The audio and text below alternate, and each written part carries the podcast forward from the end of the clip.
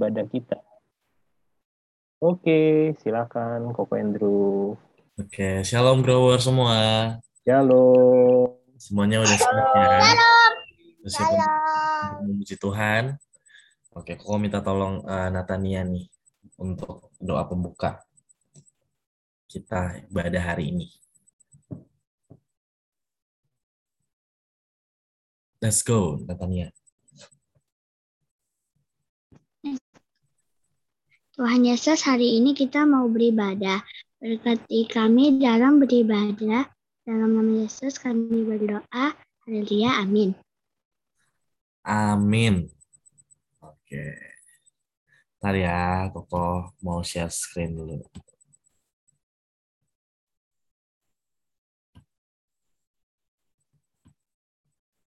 Nah.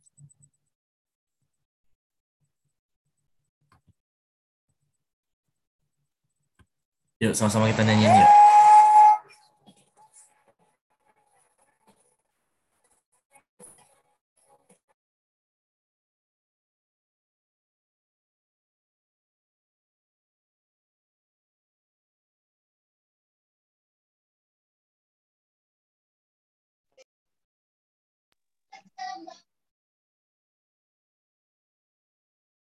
Suaranya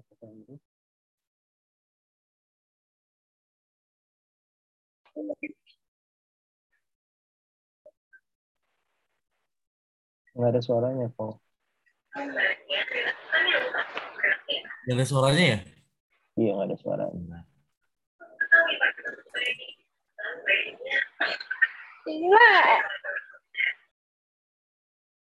Gimana sih? Ada suaranya nggak? Oke, Udah ada ya? udah.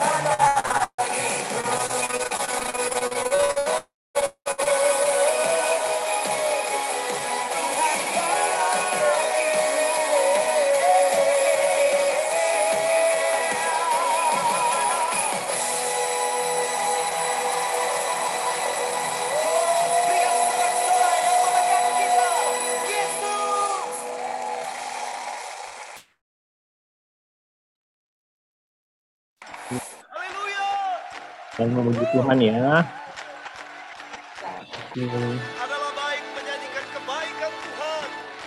Yuk semuanya sama-sama tepuk tangan ya.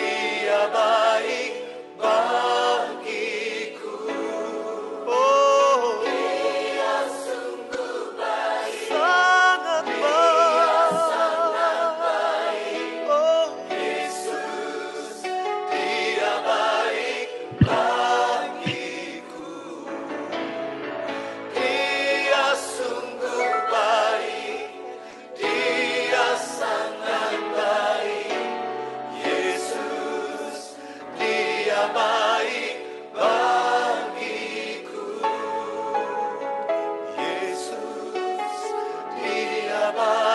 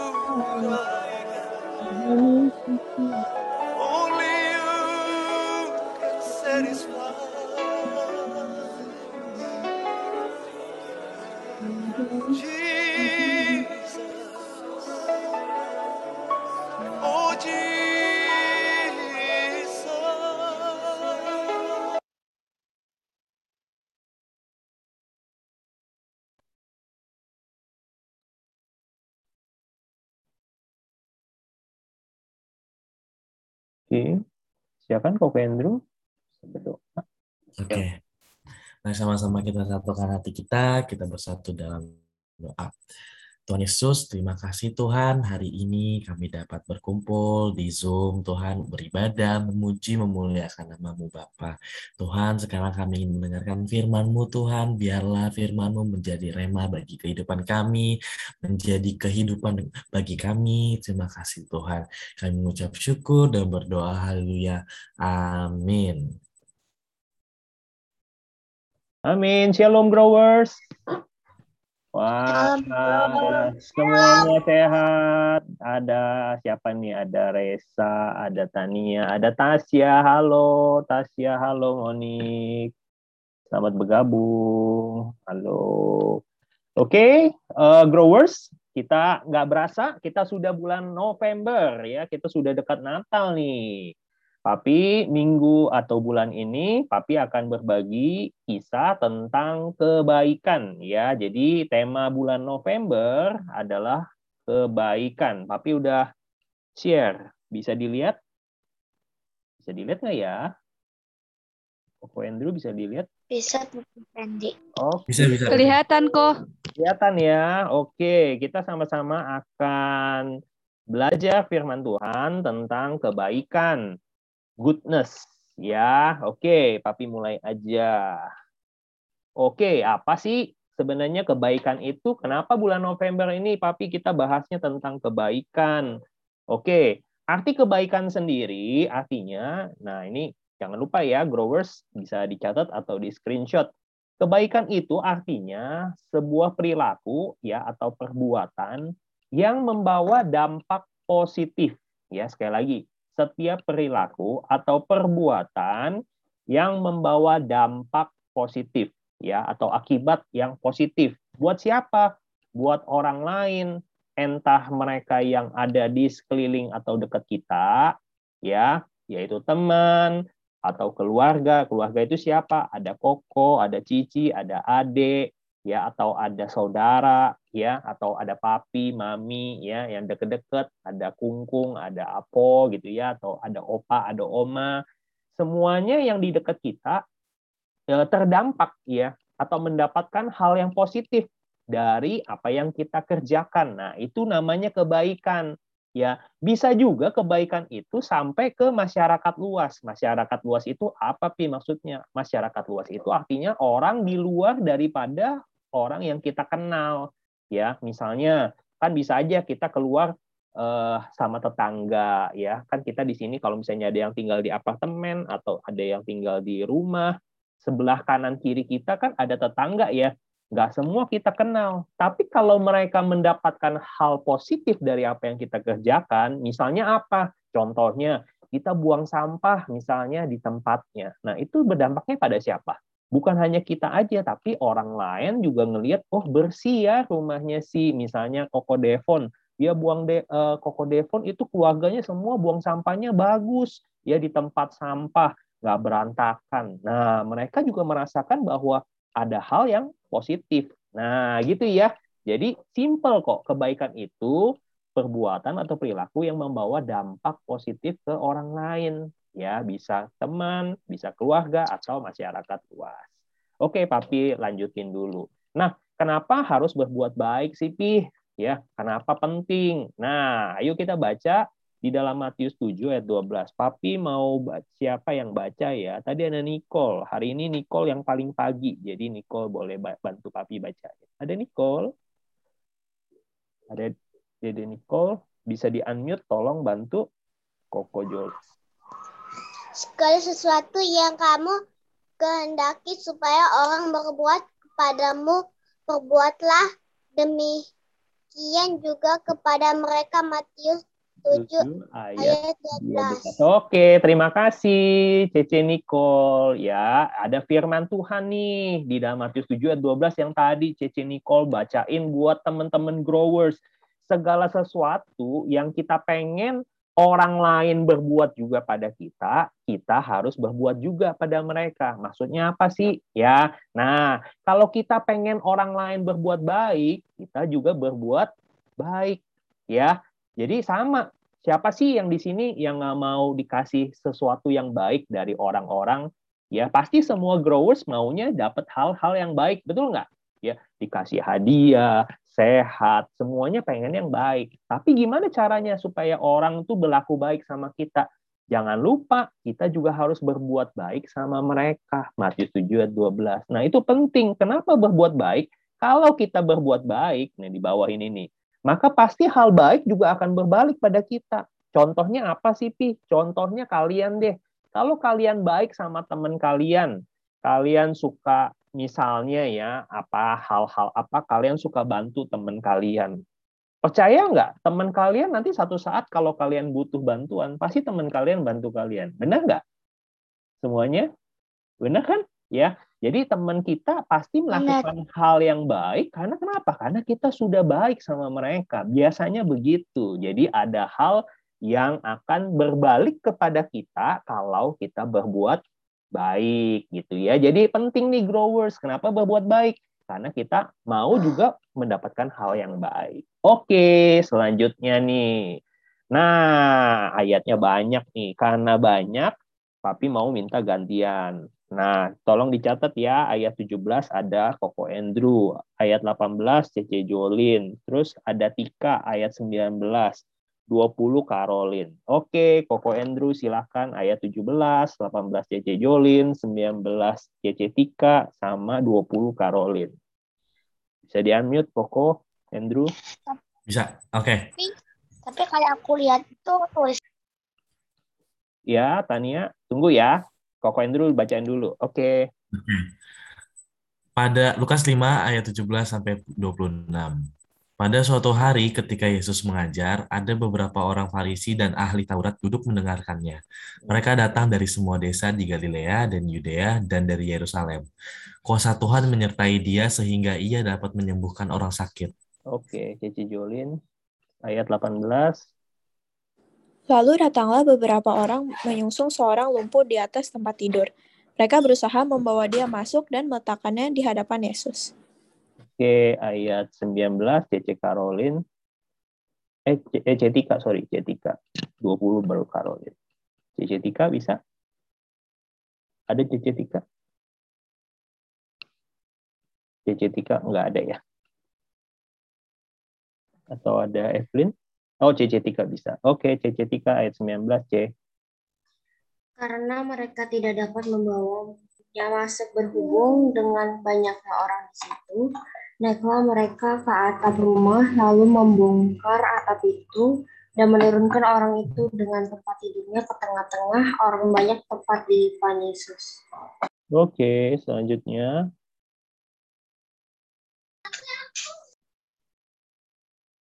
Siapa? Ketika Yesus melihat iman mereka, berkatalah ia, Hai saudara, dosamu sudah diampuni.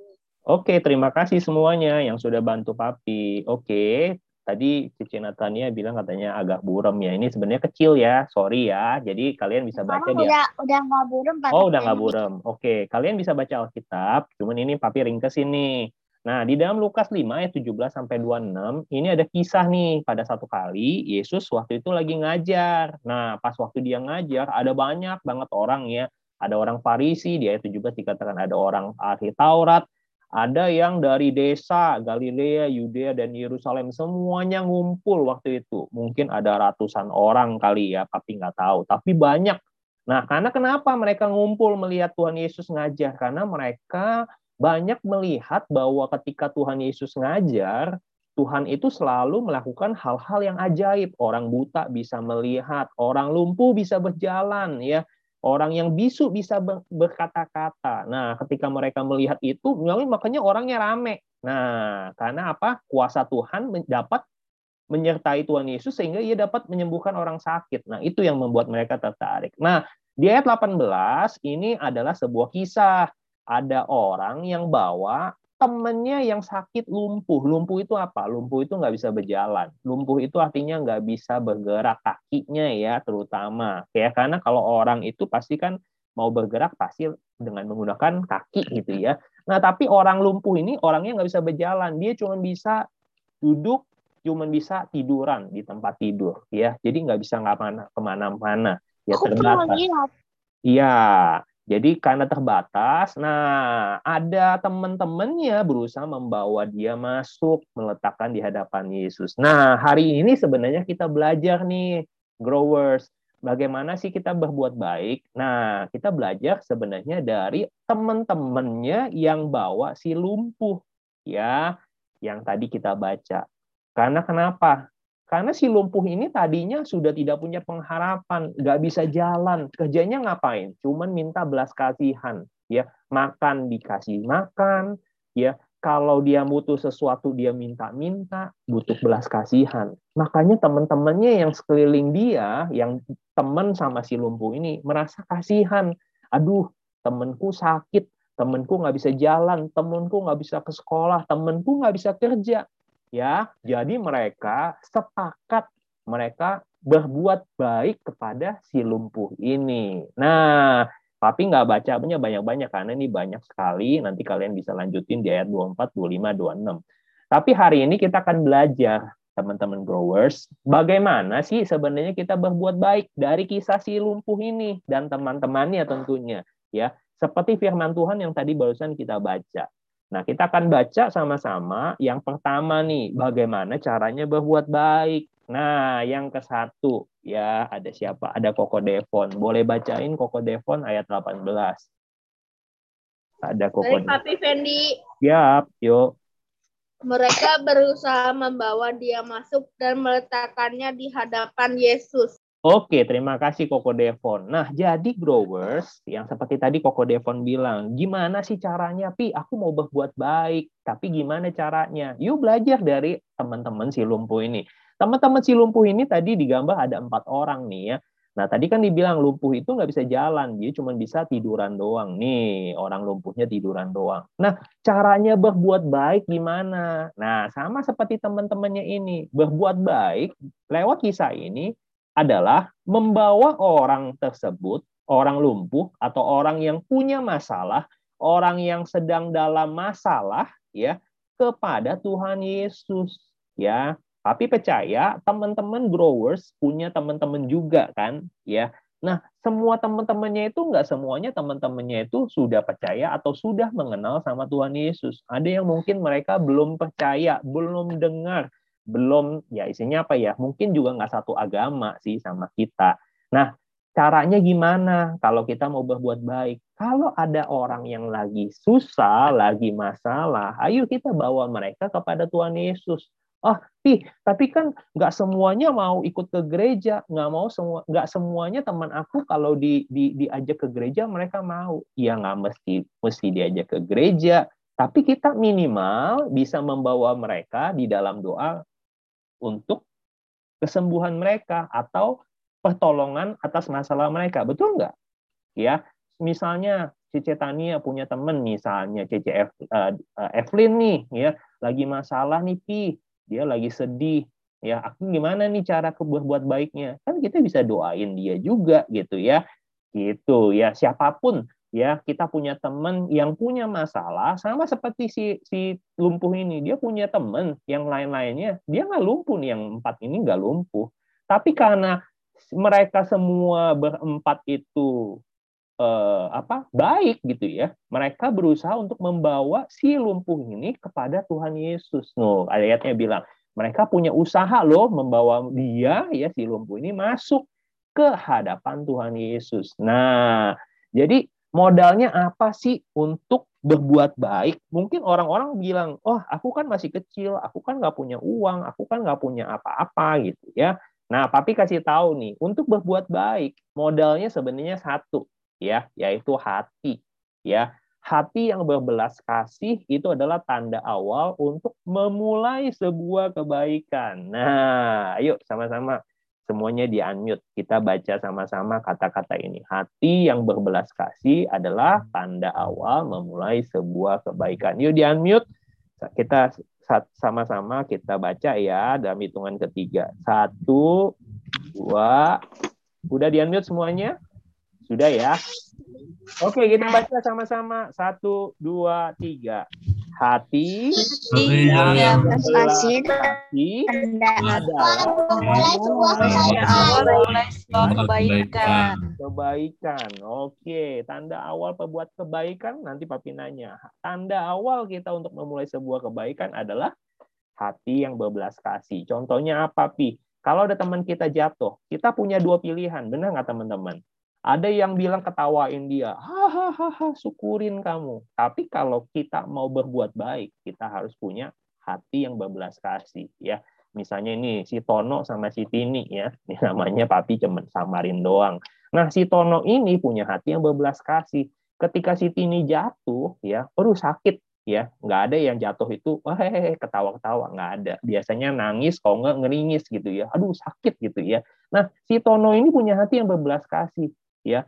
Dia peduli sama si Tini, lalu dia tanyain, Tini, aku bantu ya kamu supaya bangun, ya. Nah, seperti itu. Kenapa? Karena punya si Tono itu punya hati yang berbelas kasih, ya. Itu adalah tanda awal untuk memulai sebuah kebaikan. Jangan tunggu kita punya sesuatu untuk menolong atau berbuat baik, tapi punya dulu hatinya dulu gitu ya. Kalau kita sudah punya hati, yang lainnya itu semua menyusul. Ya, gitu ya growers. Tapi lanjutin dulu. Yang kedua, tadi yang pertama adalah membawa teman kita kepada Tuhan Yesus. Ya, tadi sekali lagi. Bagaimana cara berbuat baik?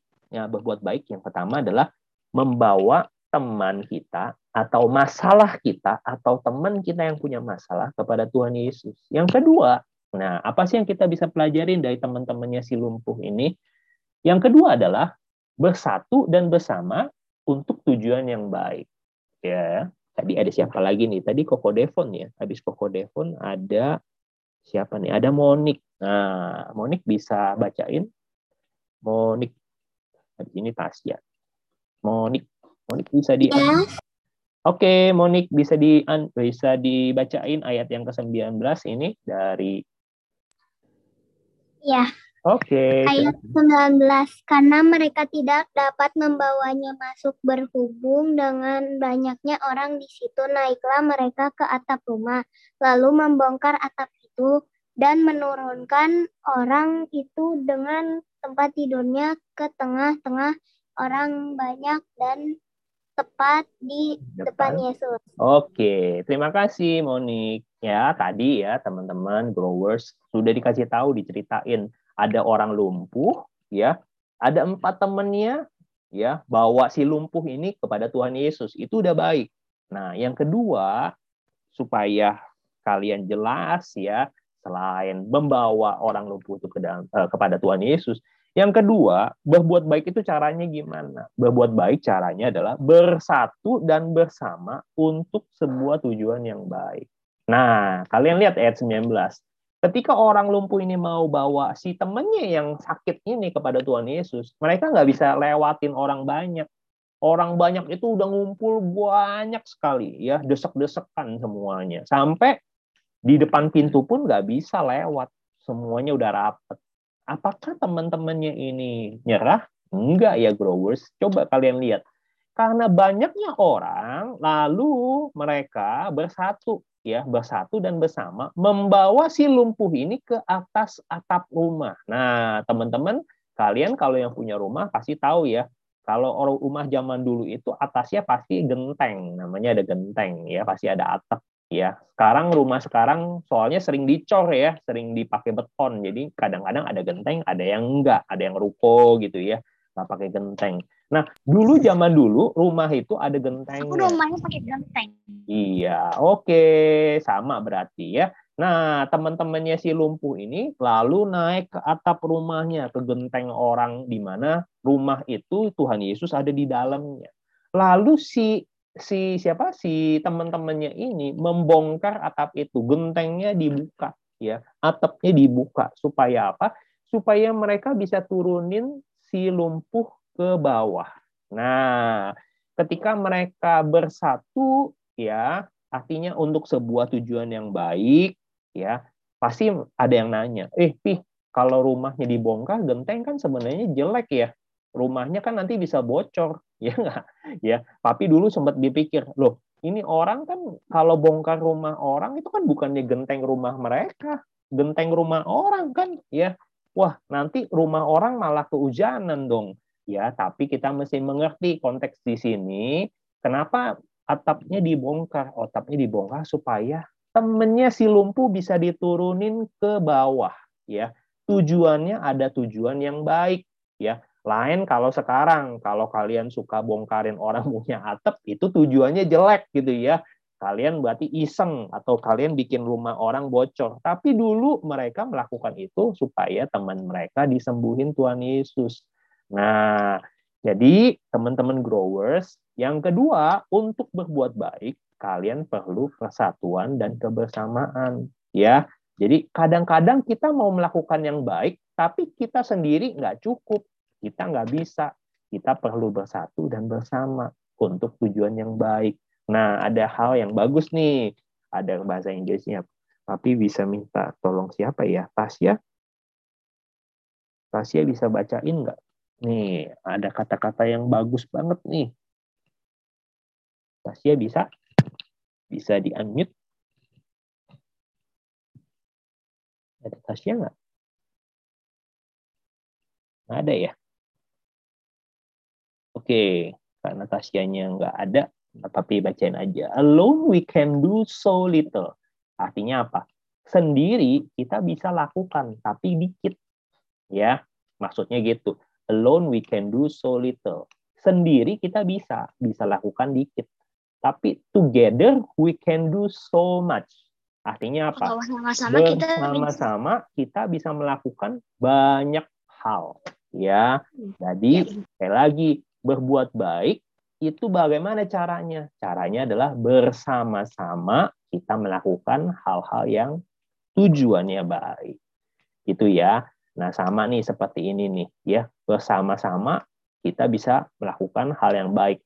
Pernah coba nggak kalau ada empat tangan begini, ya, ini kalau kalian pernah lihat yang namanya cheerleader ya, cheerleader itu pemandu sorak. Kalau di tim-tim itu kan selalu ada yang yang kasih semangat gitu ya. Ada cewek-cewek yang namanya cheerleader namanya. Nah, mereka pernah ada formasi seperti ini ya. Ini namanya uh, formasi tangan tangan uh, tangan empat orang dijadikan satu. Lalu di tengah-tengah ini nanti ada orang lain bisa naik di sini, bisa numpuk di sini ya.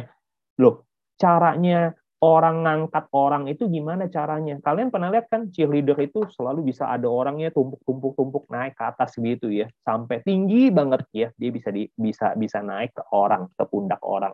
Gimana caranya? Padahal gendong satu orang aja udah berat banget ya benar nggak ya kayak Koko Andrew suruh gendong misalnya Papi Fendi suruh gandeng Cici Jolin suruh gandeng, uh, gendong Cici Kesia waduh Koko Andrew-nya langsung kempes ya, langsung medret gitu ya.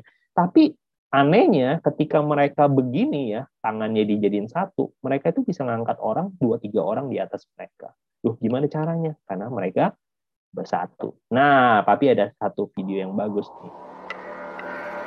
Akan menonton.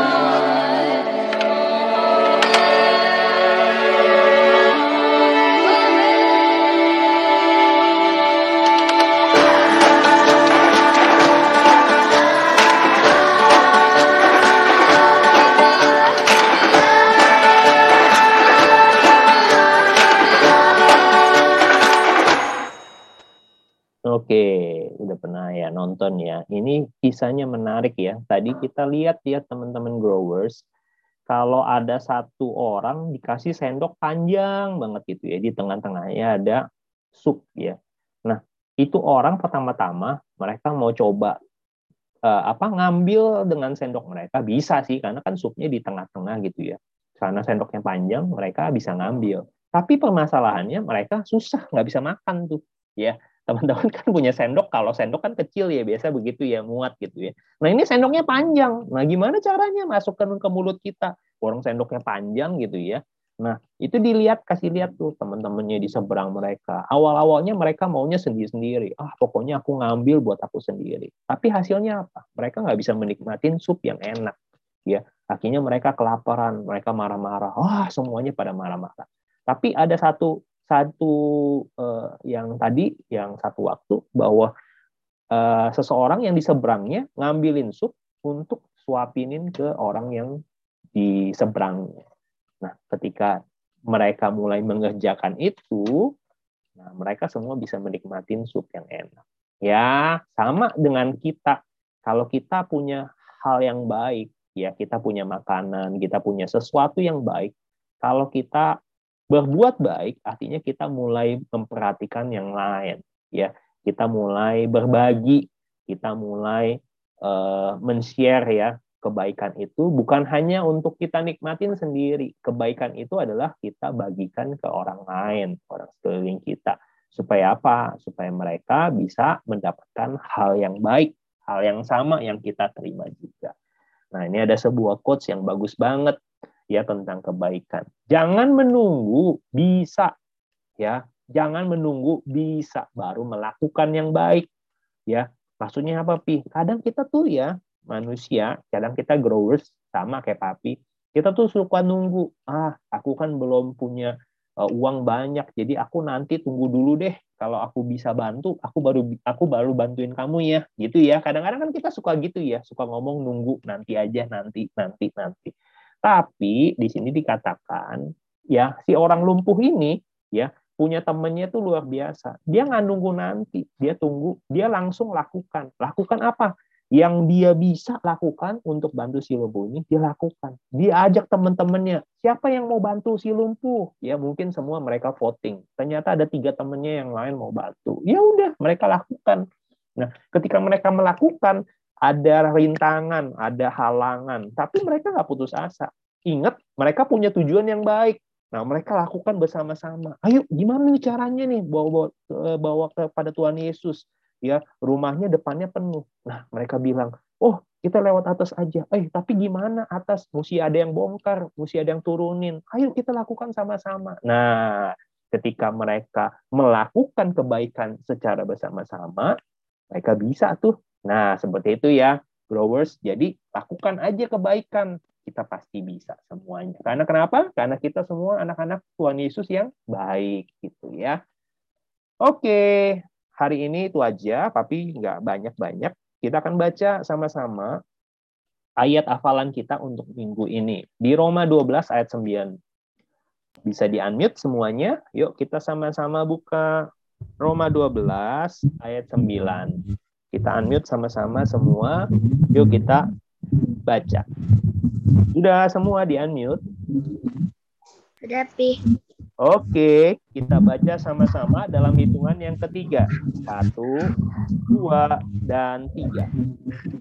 Roma 12. Kasih itu jangan ragu kasih yang jahat Jangan yang baik.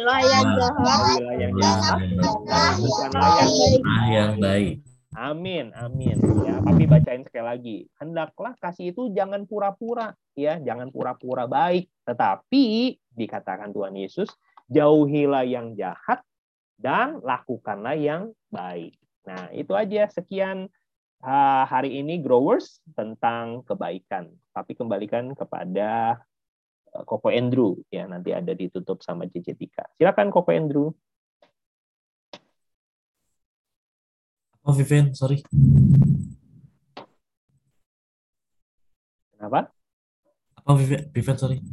Iya, udah. Tapi balikin udah selesai dari Papi. Oh, Kan oke. Untuk ditutup doa sama Cici Tika. Oke. Terima kasih Pak Fendi udah eh, Sama-sama, Koko. Em, langsung aja kali ya ke doa penutup eh Cece Tika. Oke. Semuanya mari kita berdoa. Tuhan Yesus, terima kasih untuk hari ini Tuhan. Kami sudah mendengar firman-Mu.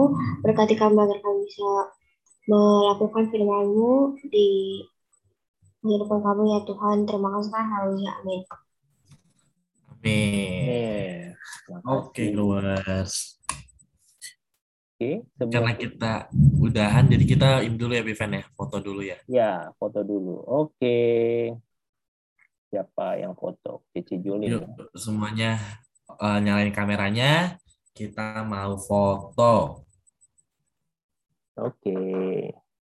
Oh, ada Tasyanya tadi ada. Tadi nggak ada, tapi Tasya ke mana? Oh, lagi sama ini ya, lagi di jalan ya. Oke, Cici Julin akan foto kita semua. Resia, udah? Resa, Resa, Caroline. Bisa papi aja nggak pi yang foto? Aku lagi nggak bisa, lagi pakai HP. Oh, oke, oke, oke, oke. Papi yang foto ya. Oke. Oke, Silakan thank you ya. kasih kode ya. Koko Andrew, silakan kasih kode. Oke, semuanya satu, dua, tiga. Yes. Oke, sekali lagi ganti gaya. Ganti gaya. Satu, dua, tiga. Oke, terima kasih growers. Happy Thank you, growers. Thank you semua. Happy Sunday. ya. Yeah. See you next week. Bye bye. Dadah. Dadah. Sunday.